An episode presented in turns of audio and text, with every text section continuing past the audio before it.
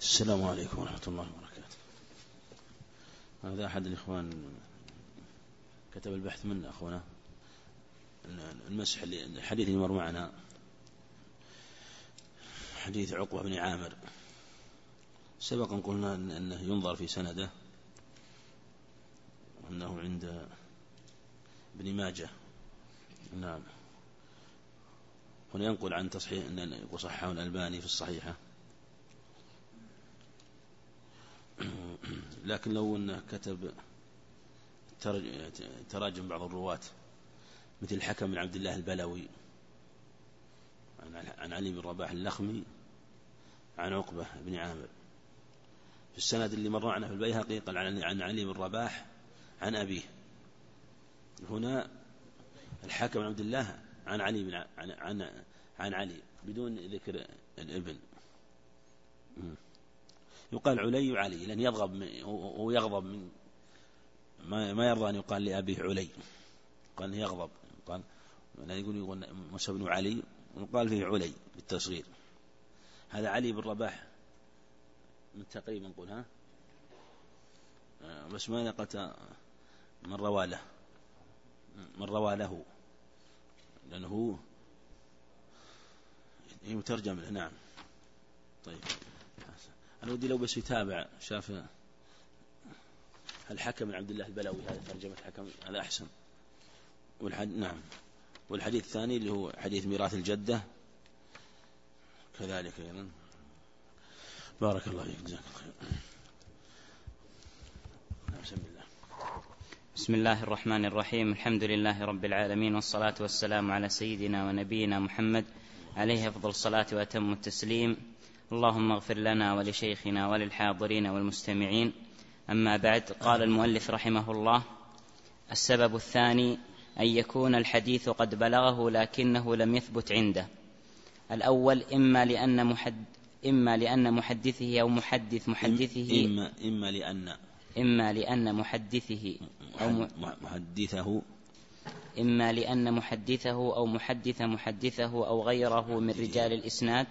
مجهول عنده أو متهم أو سيء الحفظ. الحمد لله رب العالمين والصلاة والسلام على نبينا محمد وعلى آله وأصحابه وأتباعه بإحسان إلى يوم الدين. كما تقدم أن مباحث الرسالة مباحث متفرقة وهنا انتقل إلى مسائل تتعلق بعلم المصطلح ومثل هذه المباحث لا شك أنها مباحث مهمة وفيها تفاصيل كثيرة لكن قد لا يتأتى الإتيان على تفصيل هذا إنما يشار إلى ما تيسر. وأنا كنت أقول يعني وإن كانت هذه رسالة مهمة ونافعة لكن تحتاج إلى أيضا مزيد بسط في بعض المسائل. قد يكون بعض الرسائل أو بعض الكتب التي هي متون قد تكون أكثر فائدة من جهة الجمع. أكثر فائدة خاصة المتون المختصرة سواء كانت في الحديث أو في الفقه أو في المصطلح أو في التفسير أو في الأصول.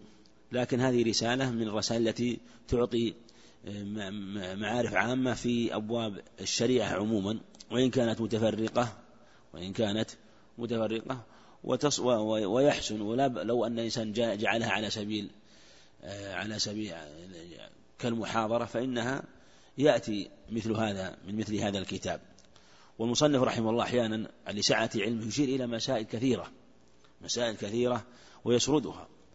وكما تقدم هو يسردها لمناسبة المقام ولم يقصد الاستيفاء.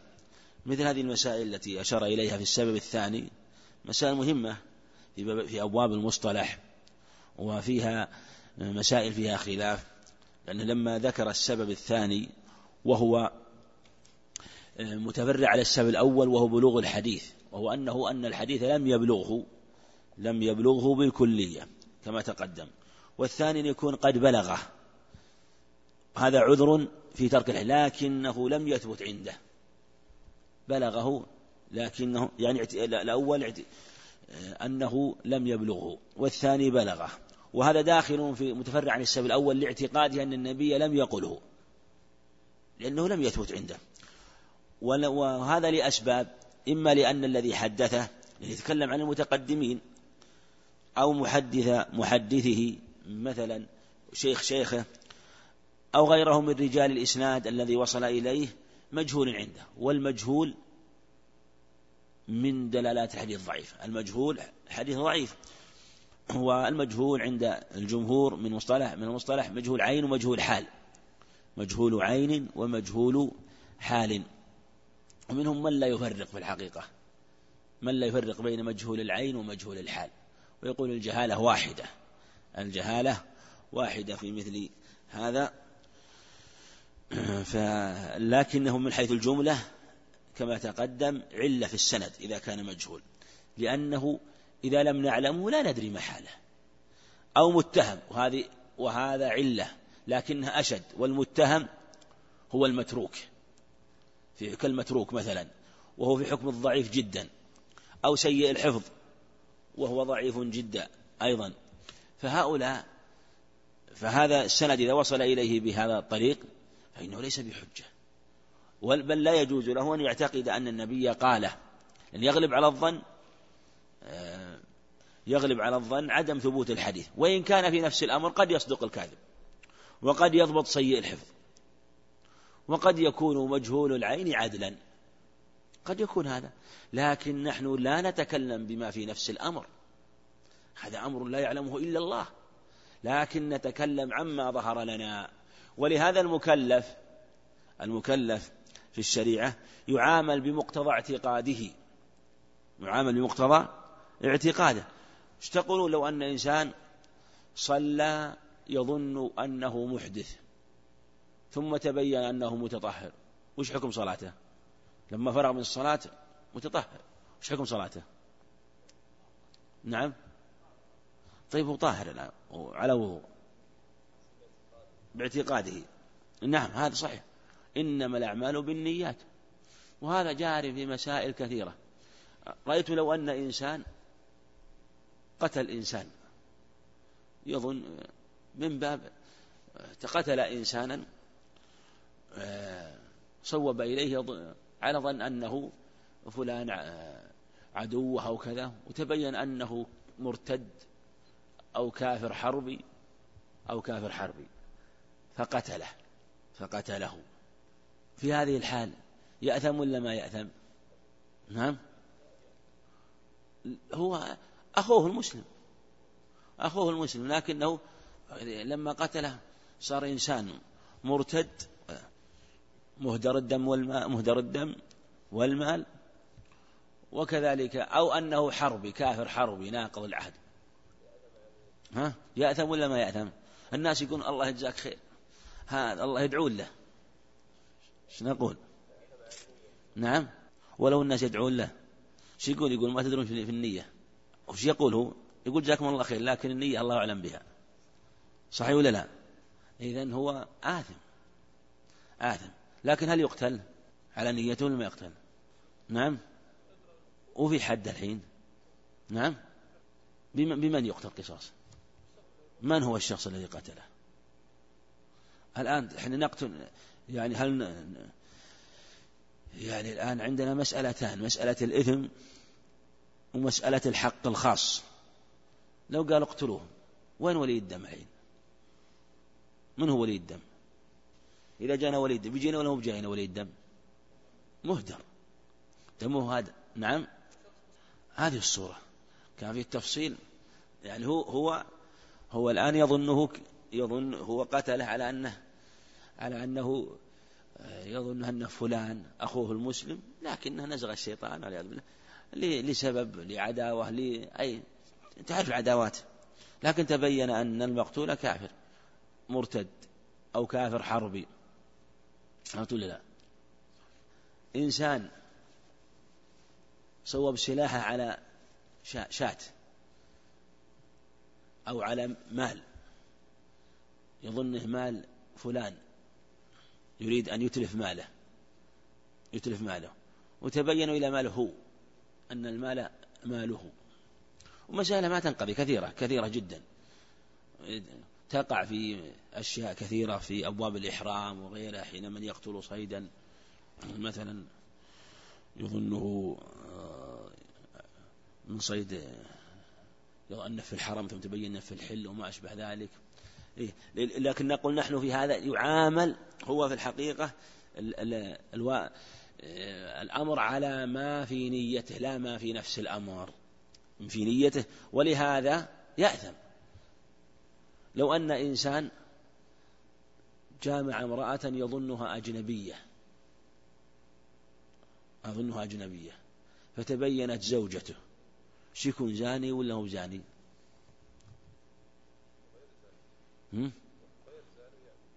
هو هو هو على نية ماذا؟ أنها أجنبية يظنها أنها زوجته. نعم. يأثم آثم بنيته لكن لا يقام عليه الحد.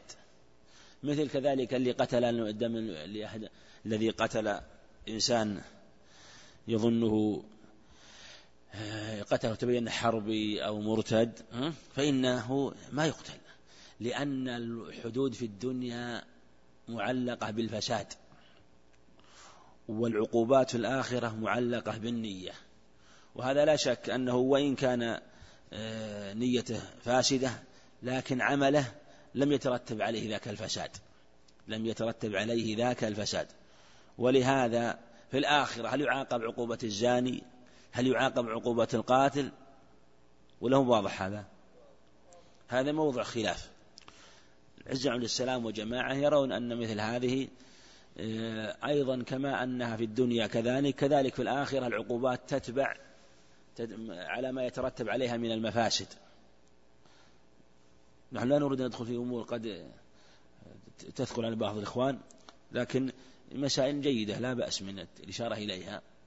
لأن المف... لأنه يقول تترتب العقوبات الشرعية آه، في الآخرة أو الأخروية على قدر المفاسد.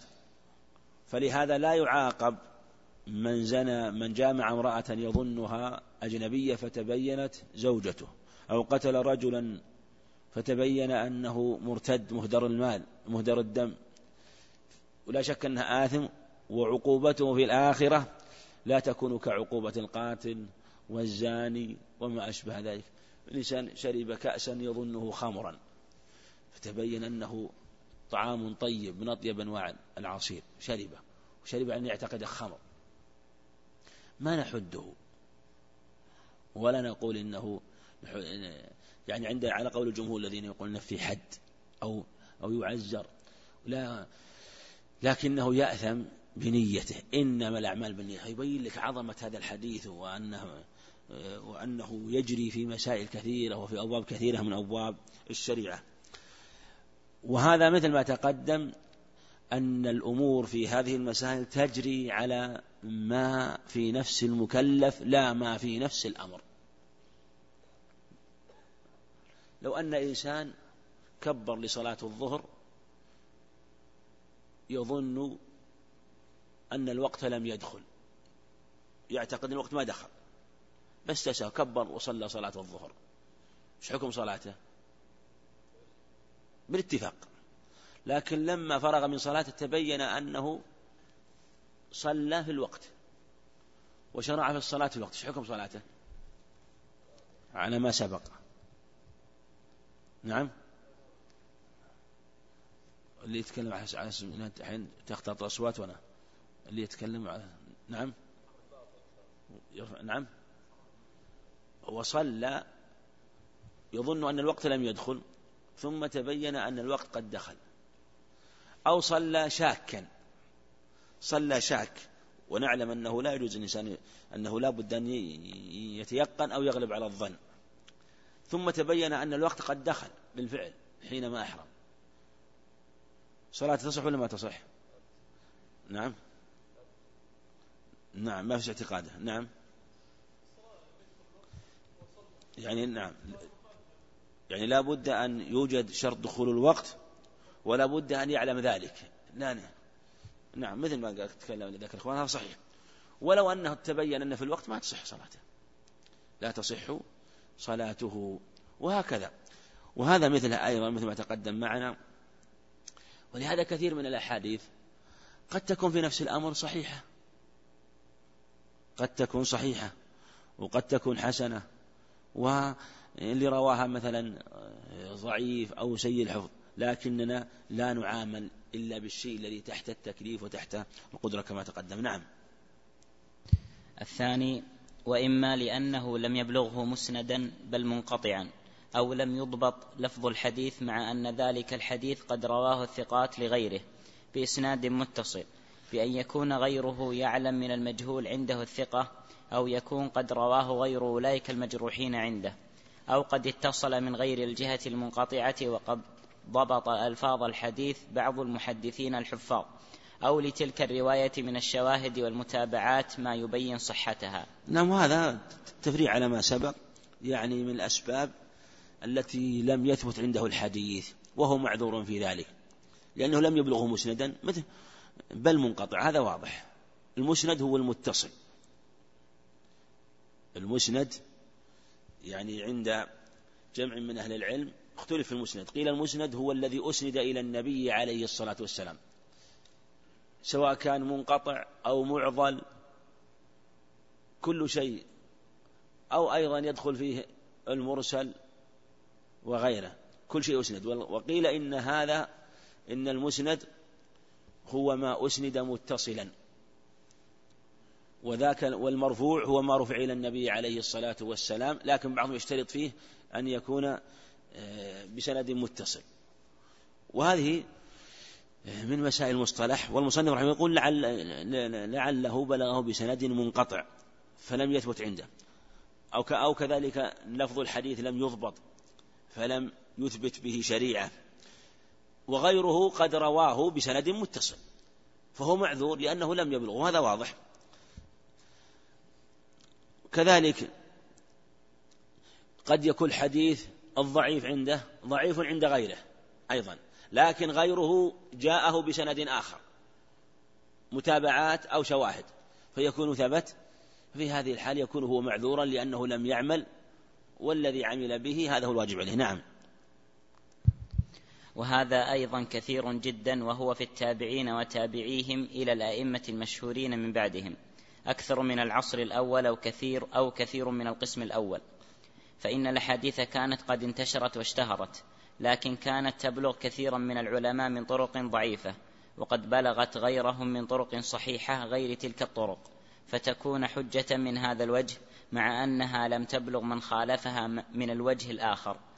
ولهذا وجد في كلام غير واحد من الأئمة تعليق القول بموجب الحديث على صحته فيقول قولي في هذه المسألة كذا وقد روي فيها حديث بكذا فإن كان صحيحا فهو قولي. وهذا وهذا يبين أن الأحاديث أن العلماء رحمة الله عليهم قد يبلغه حديث ولا يدري هل روي من طريق من حديث من طريق ضعيف.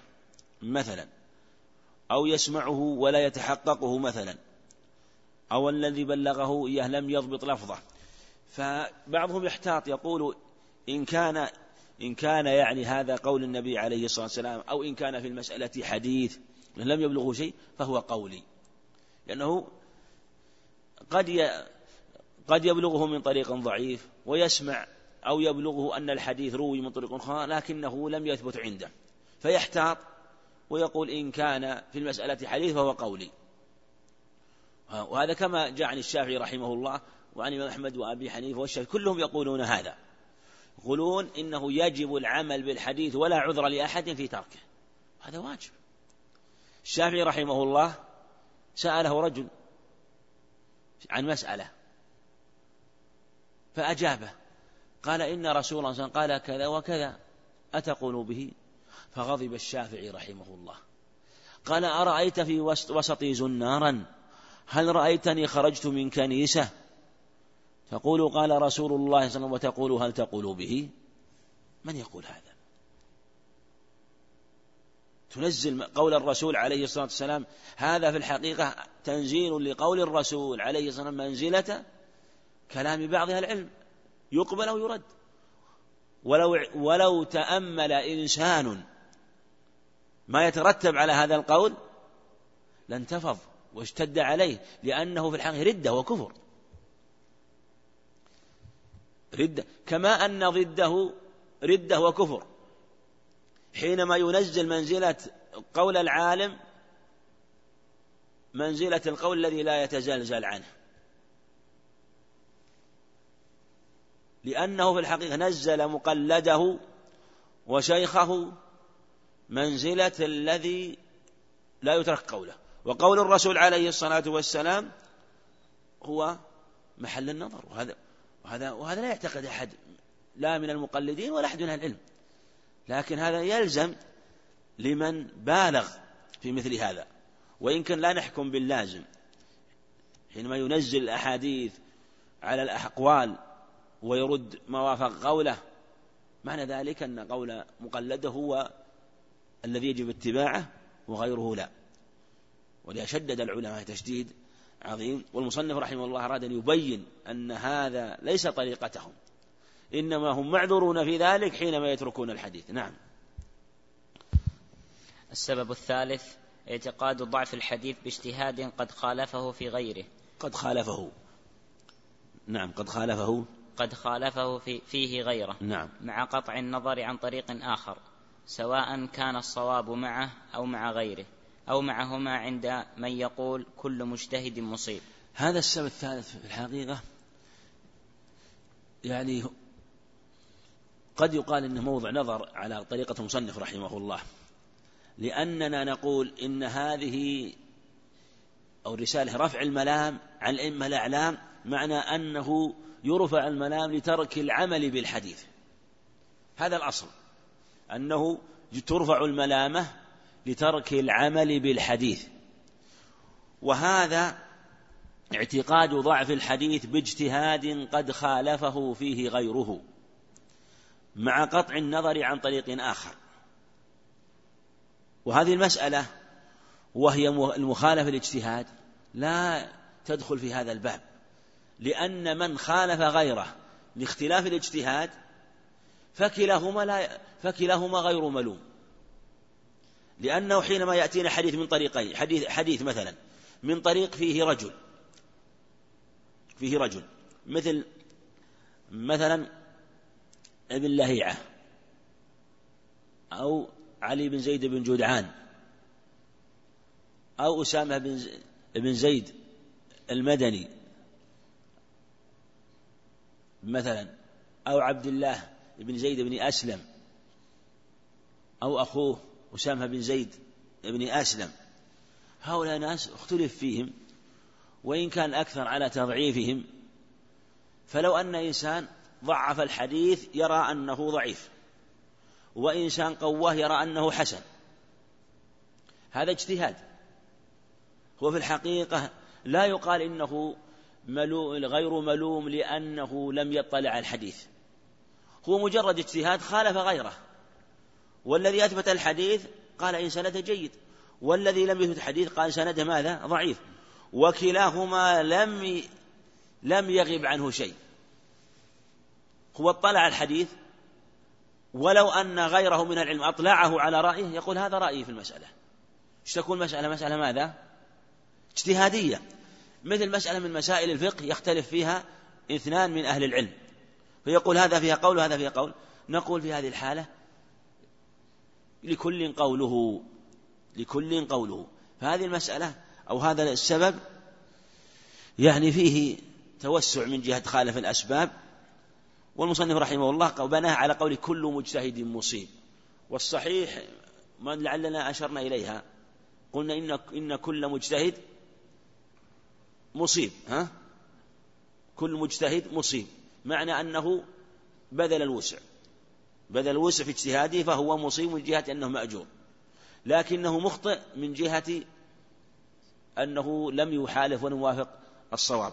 نعم ولذلك نعم. ولذلك أسباب. الأول منها أن يكون المحدث بالحديث يعتقده أحدهما ضعيفا ويعتقده الآخر ثقة ومعرفة الرجال علم واسع. وهذا واضح.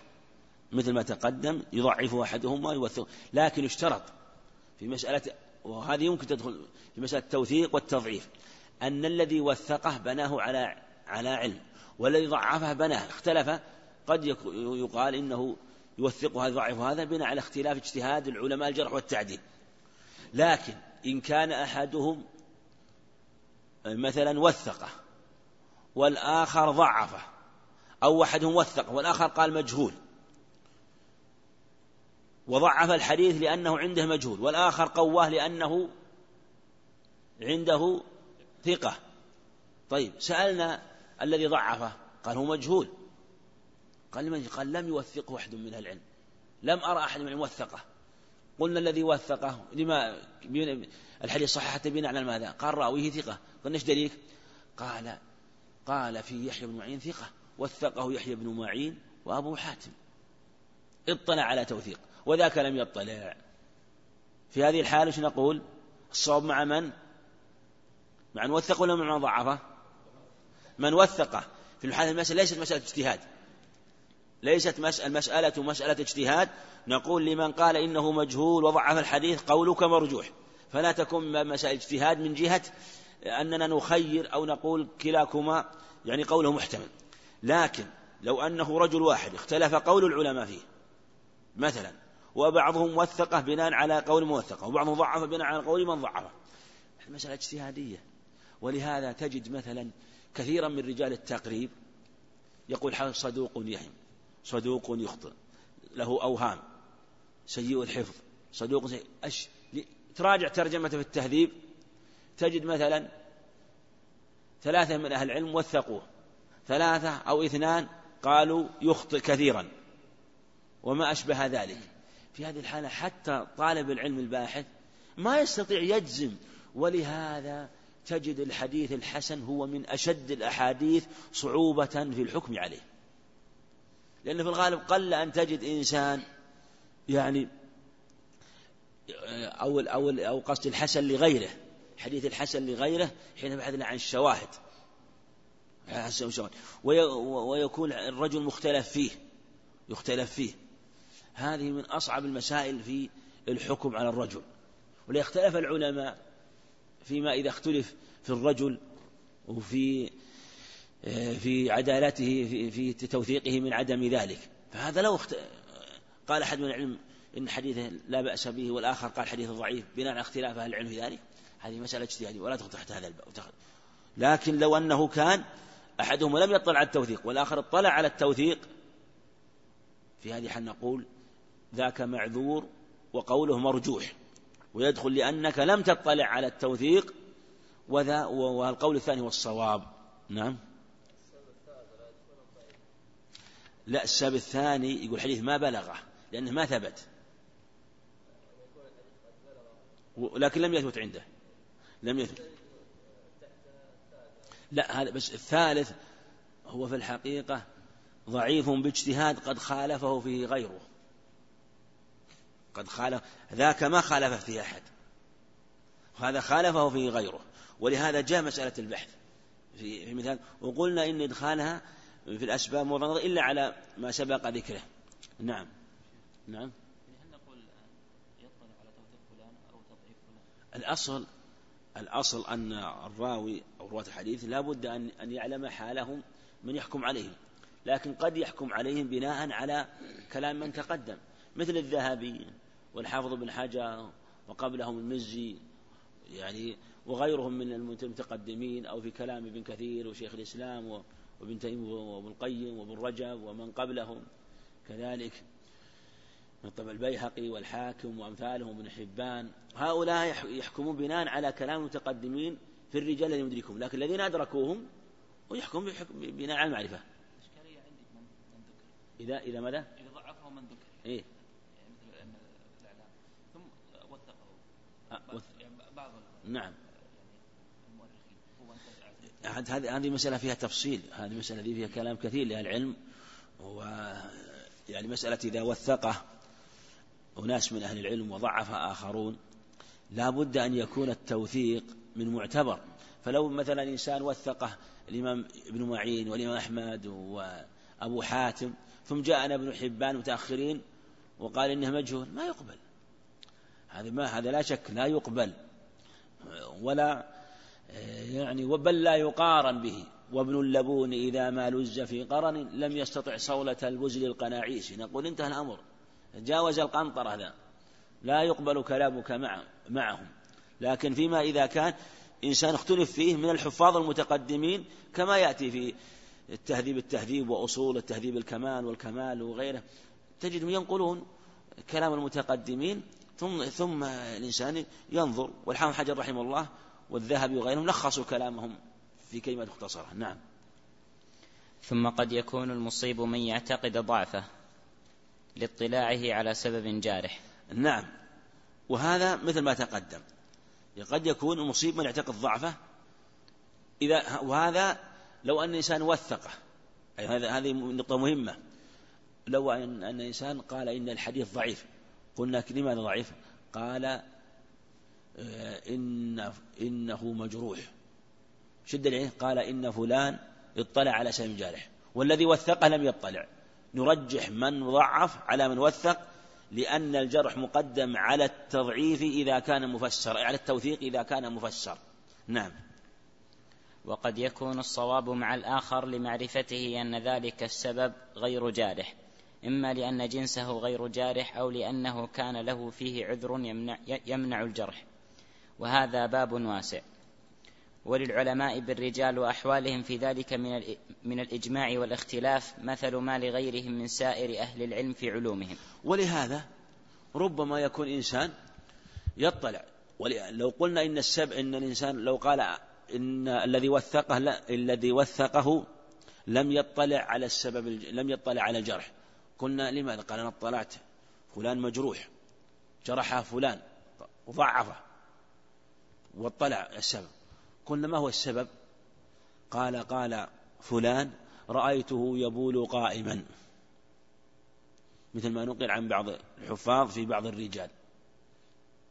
وقال رأيته يبول قائما. قالوا إن هذا هذا الجرح لا يقبل. ولو كان مفسر. ولو كان مفسر ولهذا المصنف رحمه يقول وقد يكون الصواب مع الآخر لمعنى أن السبب غير جارح. لأن الأصل أن أن السبب أن الجارح الذي يبين سبب الجرح يقبل قوله لأنه اطلع اطلع. ومن علم حجة على من لا لو إنسان قال فلان ثقة قال أنا فلان ثقة لا أعلم إلا خيرا. قال لا فلان فلان ليس بثقة أنا اطلعت على على كذبه وكذب. من نقدم الجارح ولا الموثق؟ الجارح لأنه بلا شك علم أمر لم يعلمه. لم يعلمه. لكن لو أن الموثق في ذكر الجارح علة علة. قال مررت ببيت فلان فسمعت ببيته جرح وثق فلان وضعه قال كيف وضعه قال مررت ببيته فسمعت فيه صوت صوت طنبور أو آلات ملاهي. نقول نقول مثل هذا لا يكفي. هذا لا يكفي. قد يكون وجود المال لأسباب قد يكون بغير علمه قد يكون ليس موجود قد يكون مثلا فعله صديق وما أشبه ذلك. هذا لا ما دام أن ظهرت عدالته وتبينت في الثقة إمامته في هذه الحالة لا يقبل مثل هذا. نعم. الثاني الثاني ومنها ألا يعتقد, ألا يعتقد أن المحدث سمع الحديث ممن حدث عنه وغير وغيره يعتقد أنه سمعه لأسباب توجب ذلك معروفة. وهذا فيه مباحث كثيرة ومن أطول مباحث المصطلح ذي ومسائل الانقطاع والاتصال والمعاصرة ويشير رحمه الله إلى خلاف مسلم مع شيخه البخاري وعلي المديني وأمثالهم وممن يشترط شروط في الاتصال وبعضهم يكفي معاصرة الراوي الراوي وبعضهم يشترط أنه سمع منه. إلى غير ذلك من أسباب التي يختلف فيها اجتهاد العلماء في وصل الحديث وعدم اتصاله. نعم. الثالث ومنها أن يكون للمحدث حالان حال استقامة وحال اضطراب. مثل, مثل أن يختلط أو تحرق كتبه فما حدث به في حال الاستقامة صحيح وما حدث به في حال الاضطراب ضعيف فلا يدرى ذلك الحديث من أي النوعين وقد علم غيره أنه مما حدث به في حال الاستقامة. وهذا من أشرف علوم الرجال وينبغي لطالب العلم أن يكون لديه معرفة بهذا الفن وضبط لما تيسر من آه، هذه التراجم المهمة لأنها تميز طالب العلم في الحكم على الأسانيد والحكم على الرجال. وذلك أنها أنه يقول إن المحدث قد يكون للمحدث حالان. فيأتينا إنسان ويقول حديث ضعيف. قلنا لماذا؟ قال لأنه من طريق ابن لهيعة. قال آخر حديث ضعيف. قلنا قال لأنه من رواية إسماعيل بن عياش الحمصي. قال آخر لماذا الحديث ضعيف؟ قلنا قال من رواية زهير محمد الشامي. قال آخر الحديث ضعيف من روايته علي مثلا. أمثلة كثيرة نقول لا. هذه الروايات فيها تفصيل. مثلا الراوي قد يكون ثقة. يعني عندنا الرواة منهم من هو على الثقة مطلقا. يعني سواء أريد بالثقة القبول. يعني مقبول سواء كان حجة أو صدوق الرواية. أو حس يعني صدوق أو ثقة أو ثقة ثقة يعني رواية مقبولة. منهم ما هو من هو مردود ضعيف الرواية مطلقا. ومنهم من هو في من يفصل. ما نقبل مطلقا ونرد مطلقا. وهذا كثيرا ما وقع في خلاف. بعضهم ضعف أحاديث كثيرة. ويكون الراوي فيه تفصيل. ولهذا تجد التفصيل في مسائل الرجال مثل التفصيل في مسائل الفقه. دائما التفصيل هو ليكون أقرب إلى الصواب. إذا كان للرجل الذي له ترجمة له تفصيل. مثل إسماعيل بن عياش حمصي إسماعيل بن عياش الحمصي الشامي. هو الصحيح أنه لا بأس به صدوق لكن ليس مطلقا. متى تقبل روايته؟ إذا روى عن الشاميين ولا عن الحجازيين؟ إذا روى عن الشاميين فهو حجة لا بأس به. حسن. وإن روى عن الحجازيين كابن جريج وأمثاله نقول هي ضعيفة. لأنه لم يضبط روايته عن عن حجازي لم يضبط روايته عن الحجاز. أما روايته عن الشام مضبوطة. عندك أحيانا عندك مثلا هشيم بن بشير السلمي الواسطي من رجال الشيخين. الزهري إمام. لا يسأل عن يسأل عن الناس. هشيم إذا روى عن الزهري إذا روى هشيم عن الزهري إيش حكم الرواية؟ ضعيفة. مع أنه ثقة إمام لكن رواية هشيم عن الزهري ضعيفة. عند داود بن حصين عن عكرمة داود لا بأس به عكرمة كذلك داود بن حصين عن عكرمة ضعيف. عندنا سماك بن حرب أبي ثور بن هبيرة النخعي. سماك لا بأس به لكن إذا روى عن عكرمة ضعيف. وهكذا ابن لهيعة هو ضعيف لكن إذا روى عنه العبادلة فروايته جيدة. منهم من ضعف مطلقا نقول لا. إذا كانت الرواية عنه من هؤلاء العباد فروايته مقبولة. من هم العبادلة عبد الله مبارك وعبد الله بن يزيد المقري وعبد الله وهب وعبد الله قعنبي القعنبي. ومنهم من زاد غيرهم. وهكذا المخلطون بعض الذين خلطوا من سعيد بن أبي عروبة وعطاء بن السائب. إذا روى عنهم مثلا من روى عنهم في حال قبل اختلاط كعطاء إذا روى عن حماد حماد بن سلمة أو حماد بن زيد أو سفيان الثوري أو سفيان بن عيينة أو هشي أو أو شعبة أو الأعمش أو الدستوائي أو زهير آه، زائدة بن قدامة أو زهير محمد هؤلاء رووا عنه قبل ذلك عشرة رووا عنه قبل الاختلاط وما سواهم فروايته عنه ضعيفة. دائما التفصيل في مثل هذا يكون هو الأصل في مثل هذه المسائل. فمن ضعف مطلقا نقول ليس بصحيح. ومن قبل مطلقا ليس بصحيح بل لابد من التفصيل. زهير محمد الشامي يقول الإمام أحمد رحمه رواية أهل الشام عنك أنها ضعيفة. عكس روايات إسماعيل بن عياش. إذا روى عنها الشاميون رواية ضعيفة وإذا روى عنه غير الشاميين فرواية جيدة وهكذا. نعم. الرابع ومنها أن يكون المحدث قد نسي ذلك الحديث فلم يذكره فيما بعد أو أنكر أن يكون حدث به معتقدا أن هذا أن هذا علة توجب ترك الحديث ويرى غيره أن هذا مما يصحح الاستدلال به والمسألة معروفة. وهذا صنف فيه بابا حدث ونسي صنف فيه الخطيب. بعض المحدثين قد يروي حديث ينساه. قد يروي قد قد يروي حديثا وينساه، وهذا داخل أنه بلغه في الحقيقة ولا لا؟ هو بلغه ولا ما بلغه؟ يعني هنا لكنه نسيه. لكنه نسيه. لما نسيه عذر. مثل سويد بن أبي صالح كان يقول حدثني ربيعة عني أني حدثته. حدثني عني ربيعة أني أني حدثته. هو سهيل حدث ربيعة بن أبي عبد الرحمن. بعد ذلك قال سهيل روى ربيعة عن سهيل الحديث. سهيل أنكر هذا. قال أنت حدثتني. فقال معناه إن كنت حد إن كنت حدثتك يعني فكما تقول أنت. فكان إذا روى هذا الحديث يقول حدثني ربيعة أني حدثته. حدثني ربيعة أني حدثته. أظن حديث قضى بالشاهد واليمين ورواه أبو داود وحديث صحيح مسلم حديث ابن عباس وجمع حديث جابر لكن أظن حديث قضى بالشاهد واليمين. سموه باب من حدث ونسي.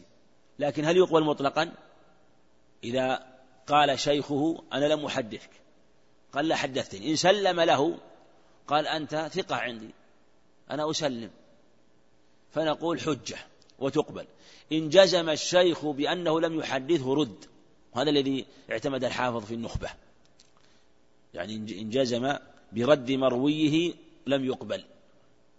وإن لم يجزم قال ما أدري أو تردد يقبل رواية التلميذ عن شيخه ولو أنه نسي. نعم. الخامس ومنها أن كثيرا من الحجازيين يرون ألا يحتج بحديث عراقي أو شامي إن لم يكن له أصل بالحجاز حيث قال قائلهم نزلوا أحاديث أهل العراق منزلة أحاديث أهل الكتاب لا تصدقوهم ولا تكذبوهم.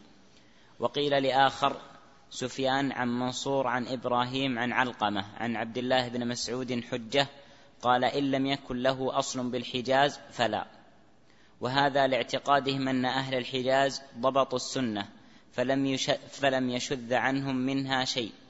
وأن أحاديث العراقيين قد وقع فيها قد وقع فيها اضطراب أوجب التوقف فيها. وهذا قول يروى عن بعض أهل العلم لكنه قول يعني مرجوح وترك أهل العلم ولم يعملوا به. ولا شك أن أحاديث الحجاز من مكة والمدينة هي التي خرجت منها السنة وهي التي نقلها الصحابة رضي الله عنهم وحدثوا فيها والعلم منشأه ومخرجه من هاتين البلدتين المباركتين ثم انتشر بعد ذلك. والصواب كما قال جمنا العلم يعني مثل ما قال الشافعي إذا صح الحديث عندكم فأخبروني حجازيا أو شاميا أو عراقيا. والمراد به يعني أن يكون إسناده من أهل الشام أو إسناده من أهل العراق أو إسناده من الحجاز. صواب أنه أن هذا القول ضعيف وأن من علم آه، من ثبتت عدالته فإنه مقبول من أي بلد كان. إذ البلاد لا حكم لها المرجع يعود إلى الراوي نفسه في ضبطه وإتقانه فإذا كان كذلك قبلت روايته. لكن لأنه كثر فيهم آه، يعني كثر بعد ذلك فيهم الكذب وصاروا ناس قوم من الكذابين وغيرهم ومن أيضا من لم يحصل لهم ضبط بالسنة فكثر في تلك البلاد فتوقف بعض الناس فيهم. أما من علم الأسانيد والطرق وعلم هذه الروايات وأنها مضبوطة فإنه يحتج بها من أي بلد كان. نعم. وبعض العراقيين يرى ألا يحتج بحديث الشاميين وإن كان أكثر الناس على ترك التضعيف بهذا. نعم. فمتى كان الإسناد جيدا كان الحديث حجة سواء كان الح... سواء كان الحديث حجازيا أو عراقيا أو شاميا أو غير ذلك. نعم, نعم. هذا واضح. نعم. وقد صنف أبو داود السجستاني رحمه الله كتابا في مفاريد أهل الأمصار, أهل الأمصار من السنن. بين ما اختص به أهل كل مصر من الأمصار من السنن التي لا توجد مسندة عند غيرهم مثل المدينة ومكة والطائف ودمشق وحمص والكوفة والبصرة وغيرها إلى أسباب أخرى غير هذه. وهذا هو يعني مثل المصنف رحمه الله يقول, يقول إن أبا داود وغيره من العلم صنفوا كتب في المفاريد. المفاريد يعني الأسانيد الحديث تأتي بأسانيد مثلا من أسانيد أهل العراق البصرة والكوفة أو أحاديث تكون من من أسانيد أهل الشام دمشق أو, أو, أو دمشق أو, أو غيرها. كذلك من مكة أو المدينة أو الطائف. مفاريد يعني وهذا التفرد النسبي. يعني التفرد قد يكون تفرد مطلق وقد يكون تفرد نسبي. التفرد النسبي هو تفرد مثلا أهل بلد أو تفرد آه، طالب مثلا في شيخ معين وقد يكون الحديث معروف من طرق أخرى من طرق أخرى.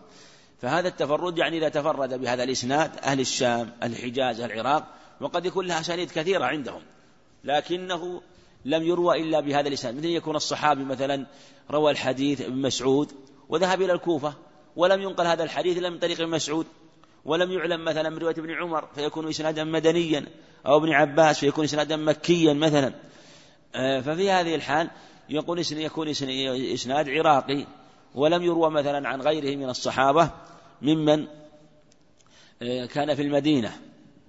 فهذا يسمونه تفرد أو مفاريد وقد يكون له عن ابن مسعود عدة أسانيد ويروى أيضا عن غيره من الصحابة ممن كان بالكوفة أو كان بالعراق فلا يخرج الإسناد عن يكون عراقيا. فهو تفرد من هذه الجهة تفرد نسبي. وليس المراد تفرد أنه ليس له إلا إسناد واحد أو إسنادان. بل المرود أن المراد أنه آه، تفرد به أهل, المصر أهل هذا المصر. وهكذا الأمصار الأخرى. ومراد بهذا أن العلماء ذكروا هذه المفاريد كغيرها وأنها حجة ويحتج بها. خلافا لمن قال ذاك القول والصواب قول أكثر أهل العلم أن الأسانيد إذا ثبت فهي حجة من أي بلد كان. نعم. السبب الرابع اشتراطه في خبر الواحد العدل الحافظ شروطا يخالفه فيها غيره مثل اشتراط بعضهم عرض الحديث على الكتاب والسنة. نعم. وهذا الشرط في الحق شرط باطل.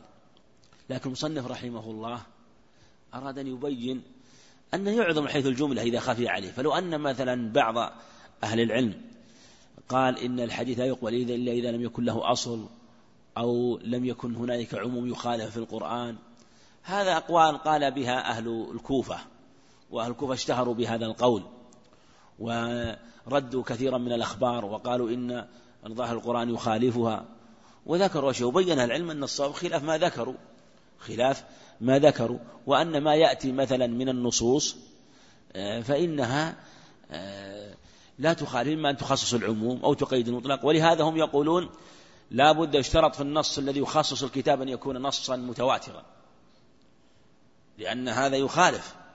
قد أبطل أهل العلم وقالوا إنه التخصيص يحصل ولو كان من أخبار الآحاد يحصل بالتخصيص. هذا من مباحث علم الأصول.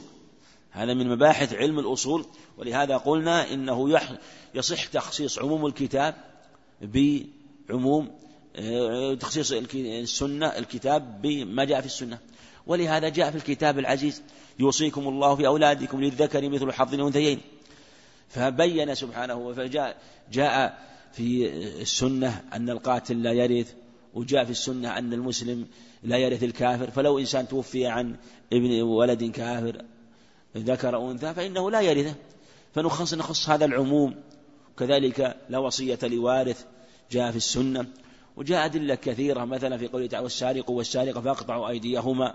هذا جاء تقييده في النصوص في السنة بيان مقدار القطع وأيضا ما يقطع فيه ومن أين يكون القطع. مع أن إطلاق اليد في الكتاب إذا أطلقت فالمراد بها إلى الرسغ لكن هؤلاء أصلوا أصول بين علم أنها أصول ضعيفة. ولهذا أحد علماء الحنافي اسمه الدبوسي هو من أشد الناس انتصارا لهذا القول وذكر أقوالا في الحقيقة تنكر عليه رحمه الله وأقوالا شنيعة ذكرها في أصوله. ولهذا أنكر أهل العلم على ما فعله الدبوسي وأمثاله مع أنه من العلماء الأجل أوتي ذكاء وحفظا وعلما عظيما.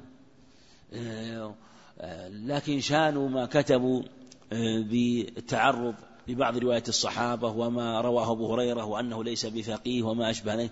ولهذا أبو المظفر السمعاني رحمه الله في قواطع الأدلة أنكر هذا وبين بطلانه وبين أن هذا من الغرور الذي لا يجوز وأنه يجب الإنسان أن يسلم لغيره.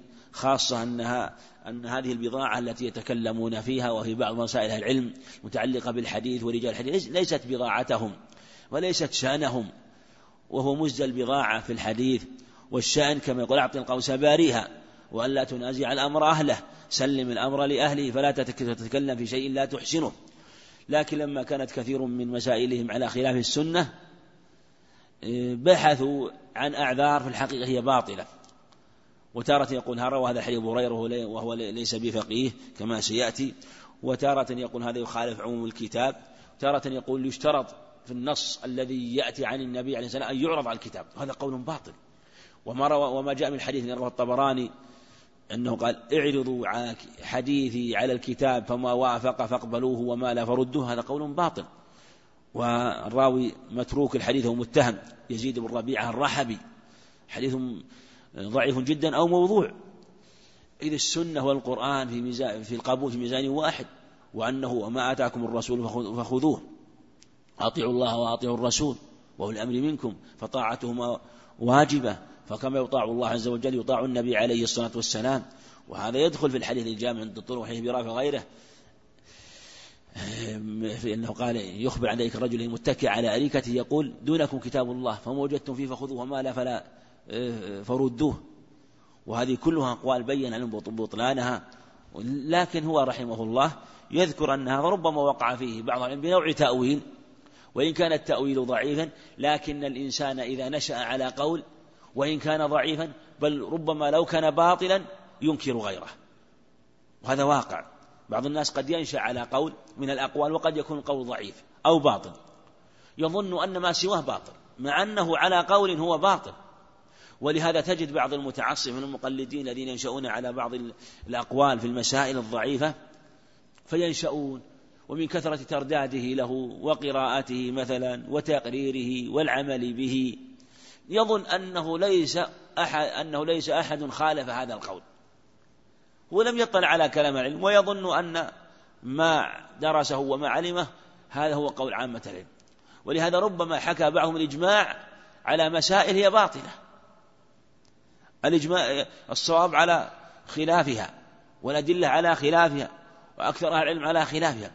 لكن النفس حينما تنشأ على شيء ويتقرر في النفس هذا الشيء فإنه يصعب التزحزح عنه. وشاهد ذلك عموم الناس وعامة الناس حينما ينشأ على شيء من المسائل يعمل به. لو أردت, أردت, أن تزحزحه عنه فإنه لا يكاد يتزحزح أبدا. وهذا واقع. ولهذا تجد أهل البدعة والضلالة هكذا لكن البدعة أقبح من جهة أن ضلالتهم على في الغالب تكون على بصيرة بينة بل بعض الناس وعام بعض الناس حينما تنبه إلى مسألة تقول الدليل كذا وقال الرسول عليه الصلاة كذا لا يقبل أبدا. أنت أنت مخطئ. بل ربما تذكره تذكر له عالما من علماء العصر الذين يجلهم ويعرفهم. تريد أن تبين هذا القول؟ ينكر يقول فلان لا لا يدري فلان لا يعلم. لشدة رسوخ هذا القول في نفسه حتى صار عنده من الأمور مقطوع بها لكن إلا من رحم الله في الغالب أن الإنسان إذا وفق يسدد. ويعود إلى الحق. نعم. واشتراط بعضهم أن يكون المحدث فقيها إذا خالف قياس الأصول. واشتراط بعضهم انتشار الحديث وظهوره إذا كان فيما فيما تعم به البلوى. إلى غير ذلك مما هو معروف في مواضعه. وكل هذه شروط لا تصح. المحدث كونه فقيه هذا شرط لا يصح باطل. ولهذا إذا روى الحديث قبل. ما دام ثقة فإننا نقبل الحديث. ولو اشترطنا في كل محدث أن يكون فقيها لزم على ذلك لوازم باطلة. كذلك أيضا انتشار الحديث وظهوره. أيضا هذا هذا باطل في الحقيقة. ولهذا ربما بين المصنف رحمه الله أن أحاديث في عهد النبي عليه الصلاة والسلام في عهده عليه الصلاة والسلام خفيت على أناس من الصحابة مسائل. مسائل مهمة. خفيت على الصحابة رضي الله على بعض الصحابة وعلمها بعضهم. بل إنه كما تقدم عمر رضي الله عنه ربما يسأل الجمع عظيم لا يخبره إلا الواحد. وإن كان قال فيما تعم به البلوى لكن نحن نقول إن كثيرا من الأحاديث التي تحدث بها النبي عليه الصلاة والسلام قد لا يسمعه إلا الواحد والإثنان وربما لم يحتج إلى ذلك الشخص مثلا. أما قول فيما تعم به البلوى هذا لا ضابط له لا يمكن له أن يكون له ضابط. ما دام الخبر ثبت فهو حجة لكن إذا علمنا أنه خطأ أو غلط أو منسوخ فذاك. ولهذا حينما جاء حديث آه، الوضوء آه، أنه عليه السلام قال من مس ذكره فليتوضأ من مس الفرج فليتوضأ. أخذ به جمهور العلماء. ولما خالف الأحناف قالوا هذا حديث مما تعم به البلوى. فكيف ترويه مثلا بسرة ويرويه معها مثلا بعض الصحابة لا بد أن يكون حديث كذا وكذا. كان هذا القول باطلا لأنه ثبت بعدة أسانيد. من عدة طرق. وهذه القاعدة لا تنضبط. ثم أيضا الأحاديث المشتهر لا يكاد يعني يعني يكون له ضابط مثلا معين. لأن ما ما دون المتواتر فإنه يكون مشتهرا. ولا ولا مشتهر من أنواع من أنواع الحديث الآحاد. ولهذا نقول الأحاديث عموم حجة حتى في باب العقائد ليس في باب الأحكام. فكانت حجة في باب العقائد فهي باب الأحكام من باب أولى ولا نشترط فيها التواتر. فإذا لم نشترط فيها التواتر في هذه المسائل المهمة فغيرها من باب أولى. وبالجملة بعض العلماء يقعد قاعدة يجعلها حجة على السنة والسنة هي الحجة. فيجعل قاعدة حجة ويبطل بهذا بعض الأخبار. لكنه هو قد يكون معذور من جهة أنه لم يقصد رد السنة. ولهذا مصنف رحمه احترز في كلامه أنه لا يمكن لأحد من العلم الذي يقبل قبولا عاما. له قبول عام أنه يقصد مخالفة سنة النبي عليه السلام. لا يمكن. فاحترز بهذا. فإذا كان القائل لهذا القول هو بهذا الوصف في هذه الحال يكون معذورا. نعم. السبب الخامس أن يكون الحديث قد بلغه وثبت عنده لكن نسيه وهذا يرد في الكتاب والسنة. مثل الحديث المشهور عن عمر رضي عن عمر رضي الله عنه أنه أنه سئل عن عن الرجل يجنب في السفر فلا يجد الماء. يجنب نعم. سئل عن الرجل نعم أجنب يجنب. سئل عن الرجل يجنب في السفر فلا يجد الماء. فقال لا يصلي حتى يجد الماء. فقال له عمار بن ياسر رضي الله عنه يا أمير المؤمنين أما تذكر إذ كنت أنا وأنت في الإبل؟ فأجنبنا فأما أنا فتمرغت كما تمرغ الدابة. وأما أنت فلم تصل فلم تصلي فذكرت ذلك للنبي صلى الله عليه وسلم فقال إنما يكفيك هكذا. وضرب بيديه الأرض فمسح بهما وجهه وكفيه. فقال له عمر اتق الله يا عمار. فقال إن شئت لم أحدث به. فقال بل نوليك من ذلك ما توليت. فهذا. نعم هذا الحل في قوله لعمر هذا في السبب السبب الخامس أن يكون الحديث قد بلغه وثبت عنده لكن نسيه. وهذا هو في الحقيقة مشابه لما تقدم آه، من قوله أن يكون قد نسي ذلك الحديث فلم يذكره بعد. فهذا هو إذا كان الحديث قد بلغه وثبت عنده لكن نسيه. وهذا يرد في الكتاب والسنة وهذا واقع في الكتاب والسنة مثل قصة عمر رضي الله عنه مع عمار. عمر رضي الله عنه نسي هذه القصة حينما أمر عما أمر النبي عليه الصلاة والسلام عمارا أن أن يتيمم وأن يضرب يديه الصعيد. وعمر رضي الله عنه حينما رأى أن عمار يجزم بذلك قال وليك ما توليت ولم ينكر عليه. فعمر معذور وغير ملام رضي الله عنه لأنه نسي فلم يقل شيئا لم يتحققه. ولهذا لم ينهى عن التحديث لم ينهى عن التحديث ولم ينكر عليه لكن هو رضي الله عنه معذور.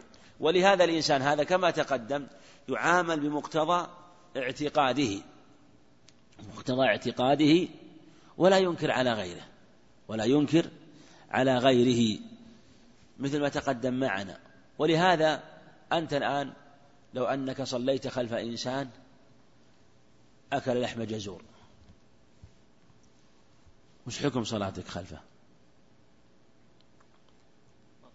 ها؟ تعلمي يعلم. نعم. ارفع الصوت. نعم كيف يعني؟ نعم.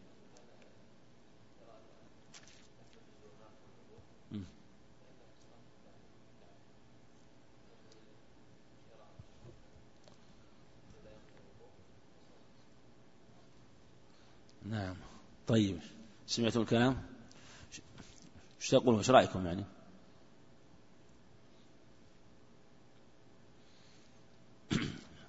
إنسان صلى خلف إنسان أكل لحم جزور. نعم. هو يقول نعم. هذا هذا هذا هذا بلا إشكال. لكن هو هو يعتقد أن لحم الجزور ما ينقض. وأنت تعتقد أنه ينقض. تعتقد أنه ينقض. نقول يعني مثل ما تقدم ما دام أنه يرى أنه لا ينقض فصلاته الصحيحة. صلاته صحيحة. ولك أن تصلي ماذا؟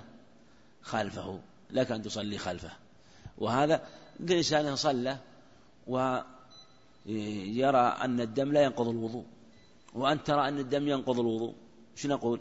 صلاتك خلف الصحيحة. صلاتك خلف الصحيح لكن لو قال لا والله ما يصلي خلفه.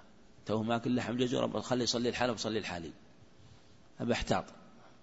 كل واحد يصلي. أنت من هنا وأنا هنا. شو يقول؟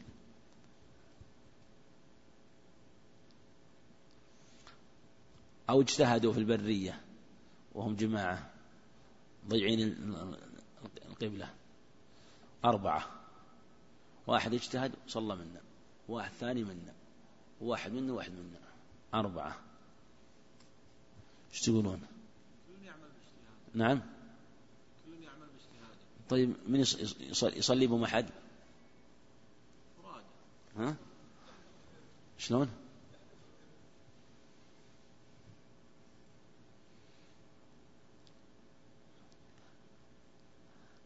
هذه ما تبي لها سلاح. تبي يقول جيب كتابك. إيش تقولون؟ نعم. الرأس الصوت شلون؟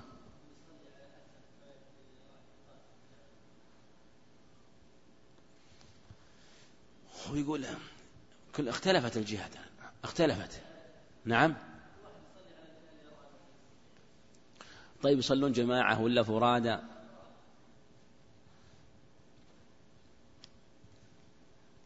يقول دورونا ودنا نجتمع تكفون. يقول والله ما طيب أنفسنا نتفرق ودنا نصلي جماعة. نعم. أربع مرات يصلون. لا يقول بركة نصلي وحده. ما شاء الله. يقول بركة. نعم. ابحثوا المسألة هذه وراجعوها يبحث أحد إخواننا يبحث أكثر من واحد لعلها بكرة أو بعد بكرة. أنت راجعوها وشوفوا. لأنها قد تقع. لكن لو اختلفوا مثلا في البر الآن في البرية اختلفوا هم في الجهة مثلا. قال واحد الجبلة من هنا. قال واحد الجم هنا. قال واحد وقال اثنين لا الجبلة القبلة في الوسط. في هذه الحال الحكم يختلف ولا ما يختلف؟ نعم. يصلون ولا ما يصلون؟ يصلون في الحالة هذه. يعني الجهة متحدة ولا ما اتحدت؟ الآن هو اختلاف في اختلاف في الجهة يعني في نفس الجهة؟ في اختلاف في ذا في ماذا؟ في نفس الجهة أو في الاتجاه فيها يعني ميالا عنها إلى جهة اليمين جهة الشمال والجهة ماذا؟ واحدة الجهة واحدة. إذا كان اختلاف ويقع كثير اختلاف في نفس الجهة في الجهة من اليمين هذا أمر يسير. نقول في هذا لا مثل ما قال النبي عليه الصلاة والسلام ما بين المشرق والمغرب قبلة. ما يضر. ما دمتم متفقون أن القبلة إلى إلى جهة الأمام لكن واحد يقول يمين شوي يقول ما يضر.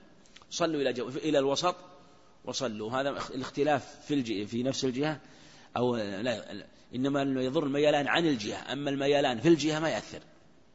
الأمر فيه يسير. هذا ما يضر. فعمر رضي الله عنه آه، قال نوليك ما توليت يعني بما اقتضى اجتهادك وما حفظته وهكذا في مثل هذه المسائل. فعمر رضي الله عنه معذور كما ذكر المصنف رحمه الله.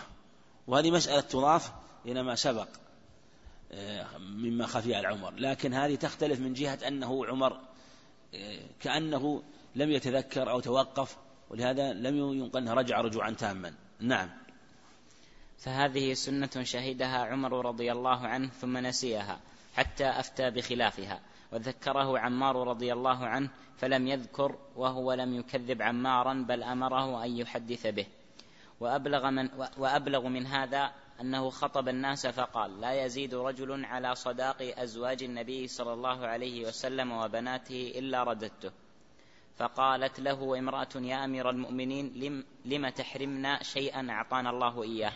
ثم قرأت وآتيتم إحداهن قنطارا. فرجع عمر إلى قولها وقد كان حافظا للآية ولكن نسيها.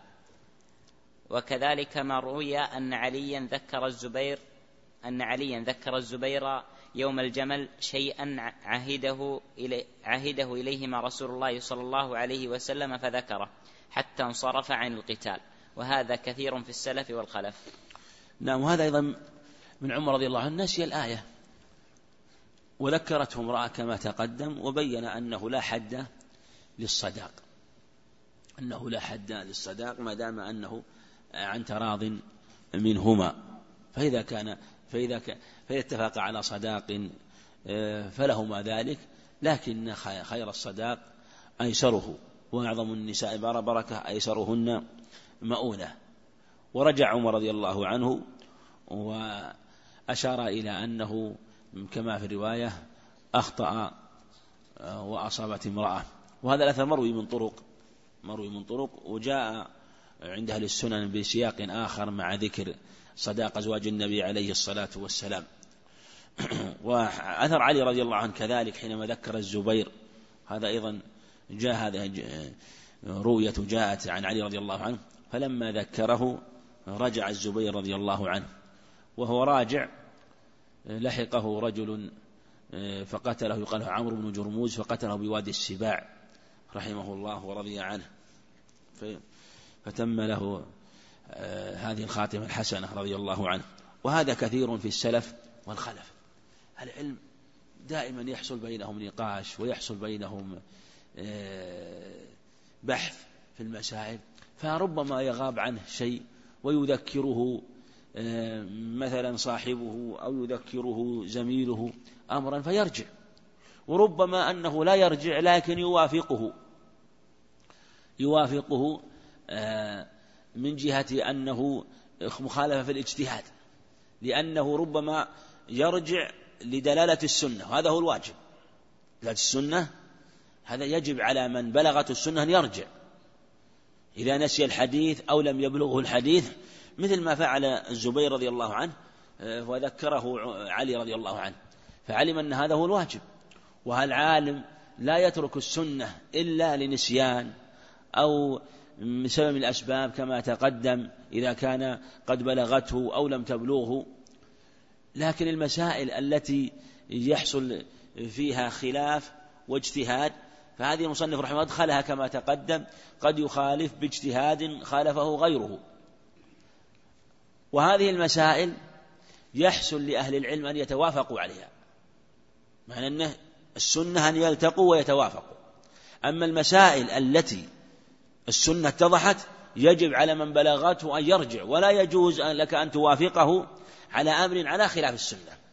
السنة إذا اتضحت لا يجوز لأحد أن يتركها أينما من كان. إنما يجوز أن تترك قولك حينما تكون مسألة اجتهادية. تكون مسألة اجتهادية؟ هذه لا بأس. وبعض العلماء جوز ترك السنة للمصلحة لكن ليس تركا مطلقا. ليس تركا مطلقا. ولهذا قالوا لو أن إنسان كان مع قوم يفعلون أمرا غير مشروع واستدلوا بحديث ضعيف مثل قنوت في الفجر. فوافقهم وافق إنسان من يقول من من يقنتون لأجل المصلحة الشرعية حتى يعلمهم ويقبلوا منه العلم فصار يقنت معهم ووافقهم. نقول لا بأس مع اعتقاده أن هذا قول ضعيف لكنه وافقهم لأجل المصلحة. أما المسألة الاجتهادية فالأمر فيها يسير. الأمر فيها يسير. ولهذا يروى عن بعض عن بعض العلماء أبو بكر الباقلاني أو بالطي الباقلاني ممن يرى أن آه، ذرق الحمام نجس والدجاج وروث البقر وكذلك رجيع الدواب عموما من الإبل والغنم والبقر. الشافعي وغيرهم يرونه نجسا. أظن يمكن المالكية والحنابلة أو الحنابلة والحنابلة يرون طهارته الصواب وهو الصواب. كان أحد علماء الشافعية دخل المسجد أن يصلي وكان في مسجد حمام. فلما كبر ذرقت عليه ماذا؟ حمامة. يكون أصابته نجاسة. مقتضى اعتقاد أنه ما يجوز يصلي ولا لا؟ ما يجوز أن يصلي. ولهذا لو إذا صلى إنسان بهذا ما يجوز لأنه يعتقد أنه نجسة. مع أن قوله هذا ضعيف. شوف انظر. كيف يعامل مقتضى اعتقاده. وآخر يعتقد الطهارة. يعتقد الطهارة. ولهذا لو صلى إنسان خلف من يعتقد النجا صلى إنسان يعتقد الطهارة صلى خلف من يعتقد النجاسة شو نقول؟ صلاة إيش حكمها؟ الذي يصلي خلفه؟ لا الذي يعتقد النجاسة يأتم من يعتقد الطهارة. صلاة إيش حكمها؟ صحيحة. لأنه اعتقاد المصلين طاهرة مثل ما تقدم معنا في من صلى وقد أكل لحم جزور لكنه لما أراد لكنه أراد يصلي الآن هو يعتقد النجاسة. قال يبغى يكبر درقة الحمامة. شو يجب عليه؟ يجب عليه يزيل النجاسة. الآن ما عاد يمكن يكبر ولا لا؟ ما يمكن يكبر. شو يسوي؟ يروح ماذا؟ يزيل يغسله طيب السقف كله حمام. إذا جاء يكبر ثانية شوف جاء. أصابه درق الحمرة الثانية. راح غسل. رجع يكبر ثالثة. أصابه درق الحمام. شو يسوي؟ قال اللهم على مذهب أحمد. الله أكبر. وانتهى الأمر. يعني هذا لا بأس به. لأنه في الحقيقة مسألة عنده اجتهادية. ورأى الموافقة. وربما أنه لما أدركه الحرج. قال والله لو كان نجسا لما حصل هذا الحرج. ولا يمكن يكون. وهذا واقع. وهذه من ضمن جمل المرجحات. ما يمكن يكون حرج في الشريعة هنا الحمام الذي يمكن من المسجد وعليه يكون ذرقه نجس. و ويكون الناس المصلون يتلطخون بالنج... بالنجاسات. هذا حرج. وقد يتأمل العالم والفقيه فيتبين له أن القول هذا مرجوح. تبين القول أنه مرجوح ثم يرجع عنه. وهذا من المسائل مما يعذر فيه أيضا من أسباب العذر في من يخالف السنة حينما يتأول تأويل. هذه أيضا نوع من أنه مما يعذر.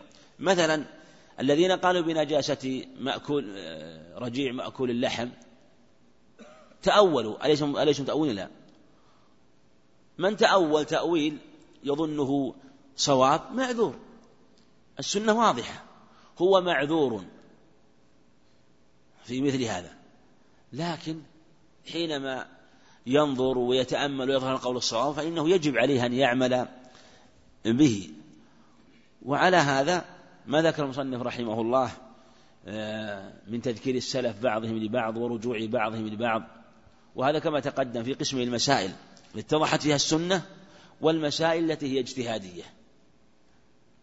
لكن المسائل الاجتهادية الأمر فيها أيسر ولهذا نقول لا إنكار في المسائل الاجتهاد التي يكون فيها إن ليس فيها دليل واضح بالخلاف فيها أو المسائل التي يكون فيها الخلاف قوية. نعم. السبب السادس. السبب السادس عدم معرفته عدم معرفته بدلالة الحديث. الأول تارة لكون اللفظ الذي في الحديث غريبا عنده مثل لفظ المزابنة والمخابرة والمحاقلة والملامسة والمنابذة والغرض إلى غير ذلك من الكلمات الغريبة التي قد يختلف العلماء في تفسيرها. هذا السبب السادس داخل تحت القسم الثاني مثل ما تقدم معنا في كلام صنه رحمه الله لما ذكر الأعذار. الخمسة الأولى التي هي عدم اعتقاده كما تقدم الخمسة الأولى. يعني يعتقد النبي ما قاله عليه الصلاة والسلام فلهذا عذر على التفصيل ذكره. والثاني يعتقد أن النبي قاله يعرف أن النبي قاله. مثل مثل النهى عن المجابنة والمخابرة والمنامسة وما أشبه ذلك وبيع الغرر والمحاقة. نهى ثابت الخبر عنده. لكنه لم يدخل في دلالة الحديث شيئا من بعض المعاني. عدم اعتقاد إرادة تلك المسألة بذلك القول.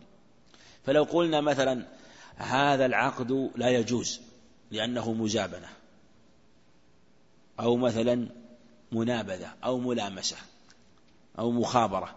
مثل مثلا فإنه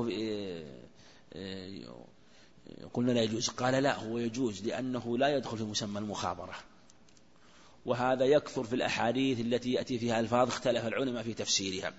مثل المزابنة المزابنة هي بيع الثمر بالتمر اليابس. بيع ما في رؤوس النخل بما على الأرض. تبيع التمر في رؤوس النخل بما في الأرض. جزافا. هذا لا يجوز. أو تبيع الرطب أو البسر الرطب بالتمر. هذا لا يجوز لأنه مزابنة في هذه الحال لأن التمر الرطب اللي في رؤوس النخل لم يتناهى جفافه. لم يتناهى جفافه. في هذه الحال لا يجوز بل يجب بيعه باليابس إذا جف. تبيع التمر بالتمر كيلا بكيل إذا أمكن إذا لم يمكن جاز وزنا على الصحيح. لكن أصل الكيل فيه تبيعه. إذا تناهى يبسه بعده. لأن الرطب هذا يجف يجف فإذا جف قل. فلو بعت مثلا صاع رطب بما في النخل بصاع تمر جاف مكنوز أو غير مكنوز لكنه جاف يابس. هل هذا مثل هذا؟ ولا يختلف إذا يبس التمر إذا يبس الرطب؟ إذا يبس الرطب إيش يكون؟ يقل.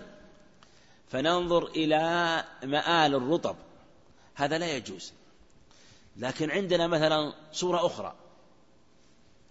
صورة أخرى. في بعض الصور مثلا. يعني هي لها عدة صور مثلا. مثل بيع الرطب بالرطب. هل يجوز ولا ما يجوز؟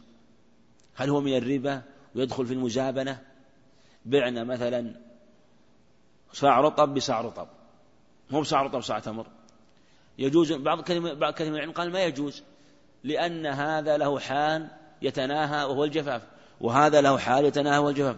ولا نعلم مقدار هذا ومقدار هذا. وبعض العلماء قال يجوز. لا بأس.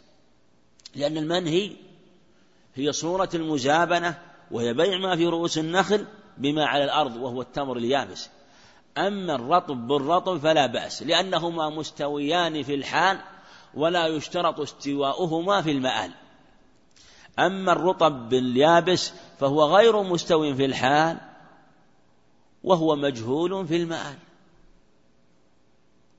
والجهل بالتفاضل كالعلم بالتماثل في باب الربا. الجهل بالتفاضل كالعلم بالتماثل. أما هذا الرطب الرطب وإن كان في المآل لا ندري لكنه في الحال متساوي. صاع رطب بصاع رطب. كلاهما رطب. فبعض العلماء يدخله في باب المزابنة وبعضهم لا يدخله. فهذا وجه ما ذكر رحمه الله. المخابرة. اختلف العلماء في المخابرة كثيرا. قيل إنه تأجير الأرض بجزء مما يخرج منها. تقول أجرتك الأرض لتزرعها بثلث ثمر بثلث ثمرتها. قال بستأجر منك أرض. أبزرع فيها حب أو ما أشبه ذلك من أنواع الخضروات. قال صاحب الأرض أنا لي الثلث لي الربع لي النص. هذه الأجرة. قال بعضهم هذه مخابرة لا تجوز.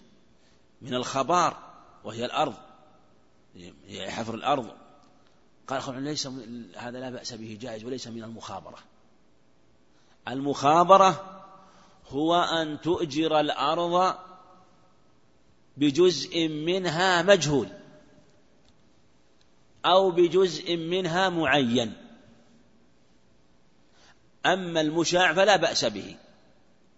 فلو قال أجرتك الأرض ولي ما على السواقي ما ينبت على السواقي لي منها ما نبت وظهر في جهتها هذه عين الجهة.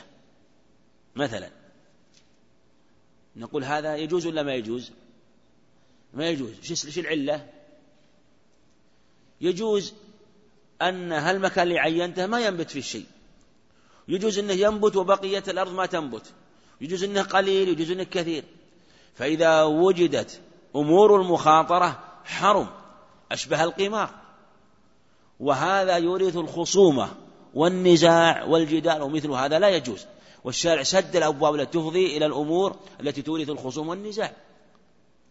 ولهذا كما قال الليث إن الذي نهى عنه النبي عليه الصلاة والسلام أمر إذا رآه ذو البصيرة بالعلا بالح... إذا رآه ذو البصيرة بالحلال والحرام علم أنه أمر لا يجوز.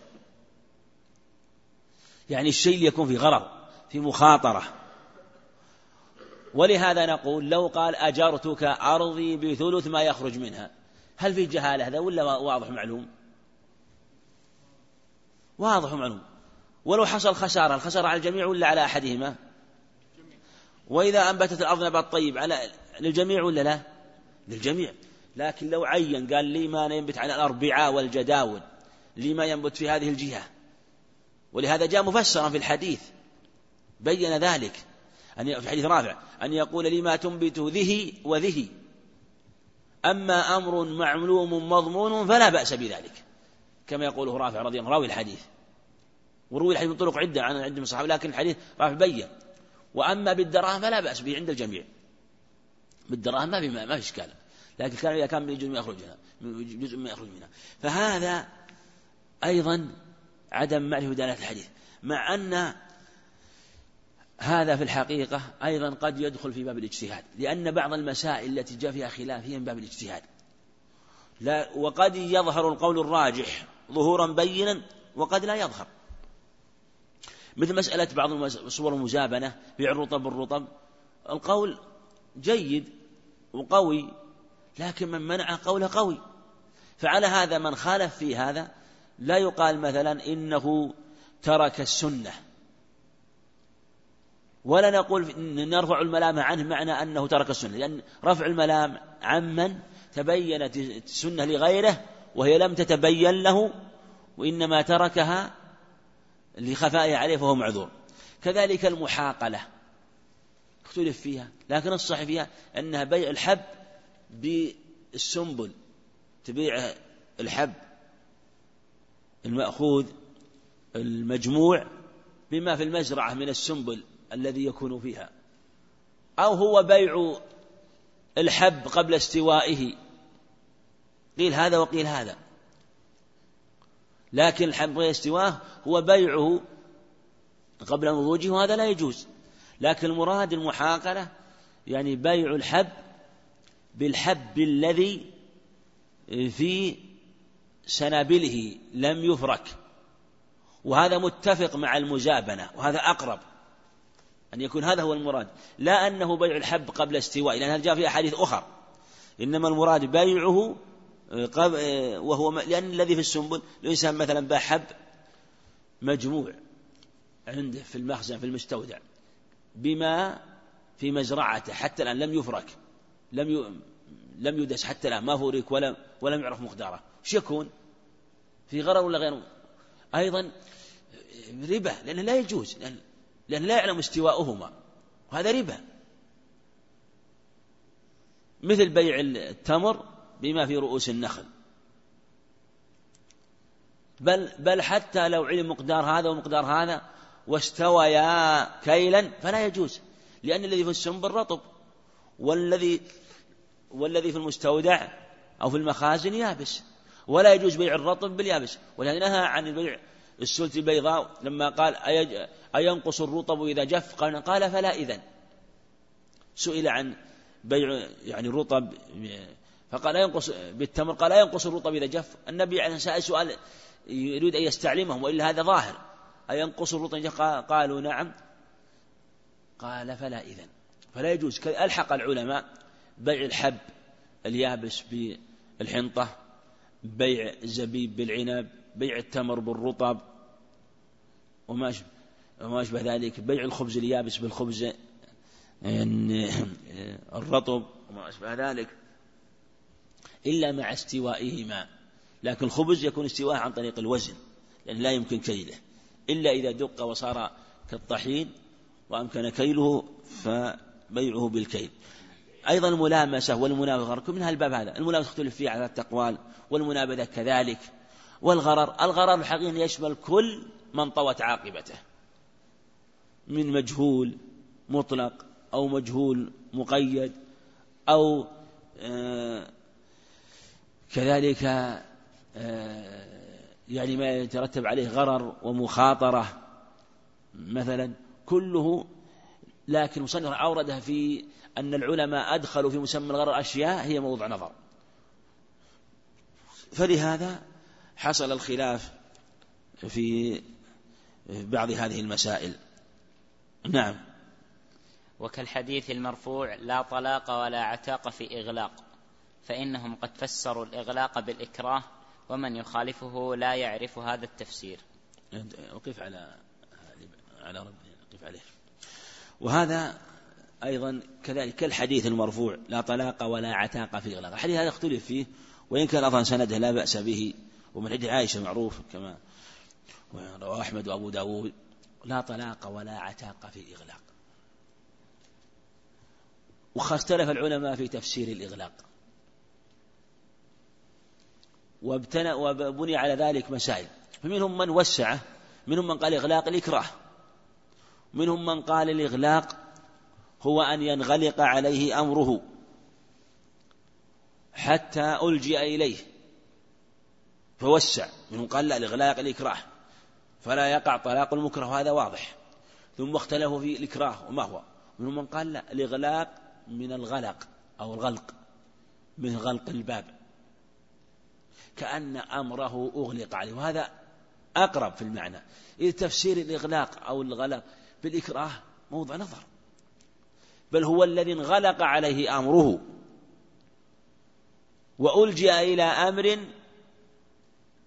ليس له منه بد. فالحقيقة يشبه يشبه المكره, المكره من وجه. لكن المكره هو أن يكون أكره أكرهه غيره. أما هو لا غضب. وعلى هذا جاء مسألة الغضب وأحكام الغضب ولهذا تقي الدين رحمه الله ابن القيم يقولون إن كل من انغلق عليه أمره فطلاقه غير واقع. ولا يشترط في وقوع الطلاق أن يكون غضبه يغطي عقله بل يكفي أن ينغلق عليه الأمر. وهو إذا اشتد غضبه جدا وجعل الطلاق منفسا له. ألجئ إليه. ففي هذه الحال قال لا يقع طلاقه. والمسألة فيها كلام لأهل العلم. وابن القيم رحمه الله قسم قسم الغضب إلى ثلاثة أقسام. قسم واقع الطلاق فيه بالإجماع. وهو مبادئ الغضب. إنسان غضب يسير وطلق مجرد غضب يسير مبادئ الغضب. هذا لم ينغلق عليه أمره. هذا حمق وجهل. وطلق بلا آه، لم يكن ملجأ ولم ينغلق عليه أمره. يقابله الطلاق الذي لا يقع بالاتفاق وهو الذي يشبه المجنون حتى لا يعقل ما يقول. وربما لو سئل يقول لا أدري. هذا لا يقع طلاقه. وذكر عليه اتفاق رحمه الله وألحقه بالمجنون. القسم الثالث هو موضع النزاع والخلاف وهو ما إذا كان لم يبلغ درجة الدرجة العالية من الغضب يشبه المجنون وليس في مبادئ الغضب إنما استحكم منه الغضب واشتد به الغضب وانغلق عليه أمره وصار الطلاق منفذا له من شدة ما وقع. فيقول هذا الأمر لا يقع. قال ولهذا لا يقبل دعاؤه على نفسه. ولا لأنه ربما دعا على نفسه. إذا ترتب أو دعا على ولد أو ما أشبه ذلك. لأنه في هذه الحقيقة صار في حكم غير المكلف.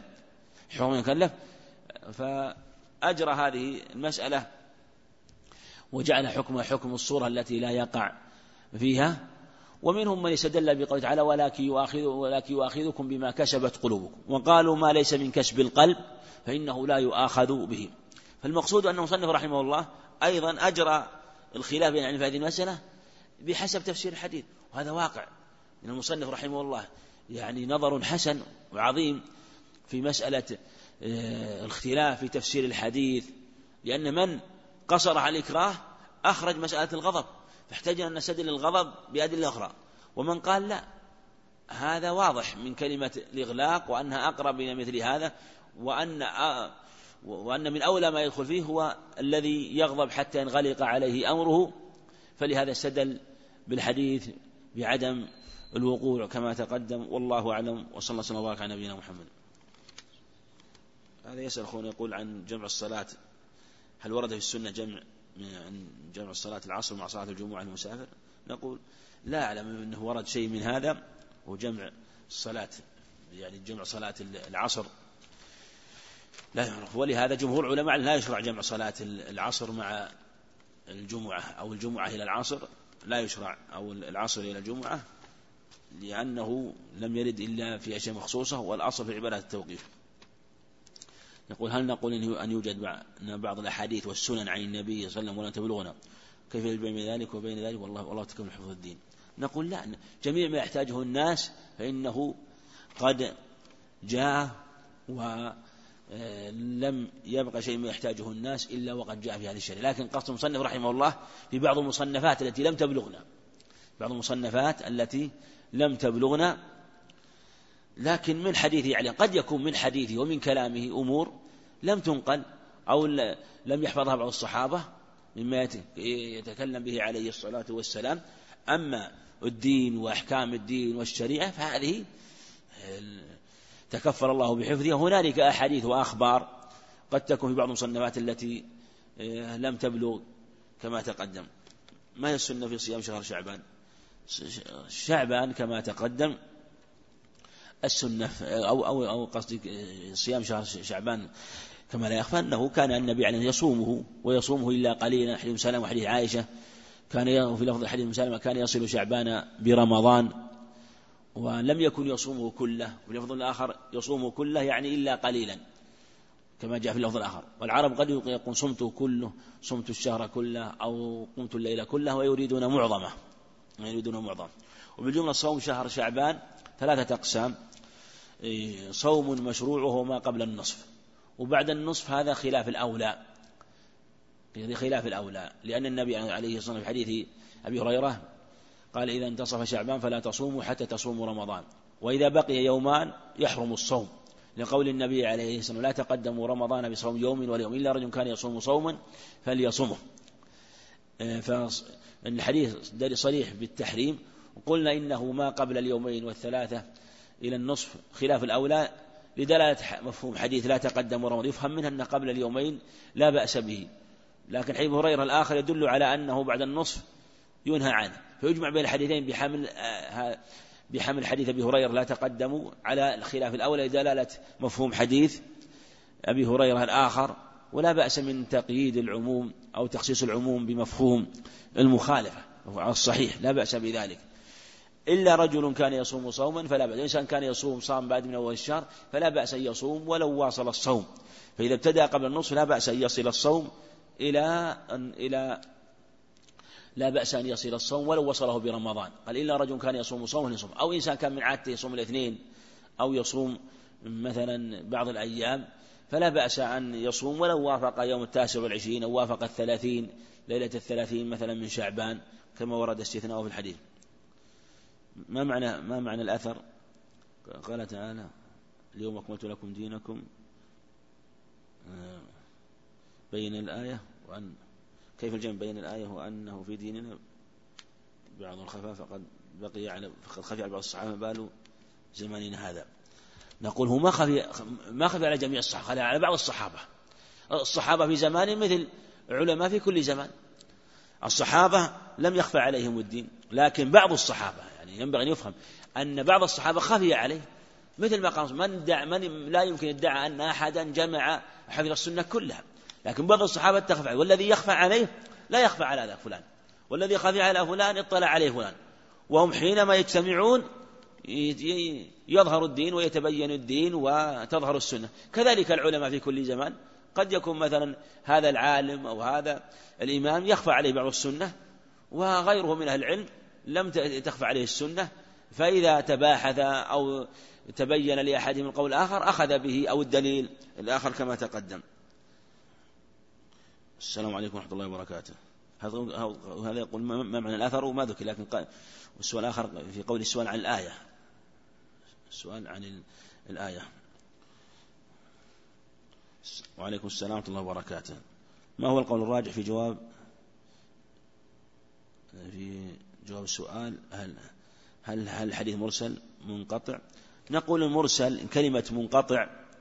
كلمة منقطع آه، الحديث المنقطع يقال له مرسل. اللي يقول علماء عن بعض الأحاديث المرسل يقول إنه يقولون إن عن إنه مرسل يعني منقطع. هم باب الاصطلاح يسمى المنقطع مرسل. أرسل يسمونه. والمرسل هو ما أسنده إلى النبي عليه السلام وهو من جهة الاصطلاح من جهة المعنى منقطع يعني أن بينه وبين النبي عليه الصلاة والسلام واسطة.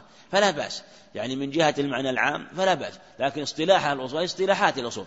سموا المرسل ما كان بينه وبين النبي عليه واسطة. واسطة هذا مرسل. وقالوا من قطع منه ما كان انقطاع في في في في طبقة واحدة فهو منقطع. أو في طبقتين منقطع. إلا إذا كان متواليين في طبقة واحدة فهذا المعضل. ومن قطع من أول هذا المعلق. فالانقطاع إما أن يكون من أول فهو المعلق وإما أن يكون من آخر فهو الموصل وإما أن يكون من وسط فإن كان من طبقتين متواليتين فهو المعضل. وإن كان من طبقة واحدة أو من طبقتين غير متواليتين فالأول منقطع في موضع والثاني هو المنقطع في موضعين. هي اصطلاحات ولو سمى أحدهم اسم الآخر فلا بأس من جهة الاصطلاح العام. والله أعلم وصلى الله وسلم وبارك على نبينا محمد.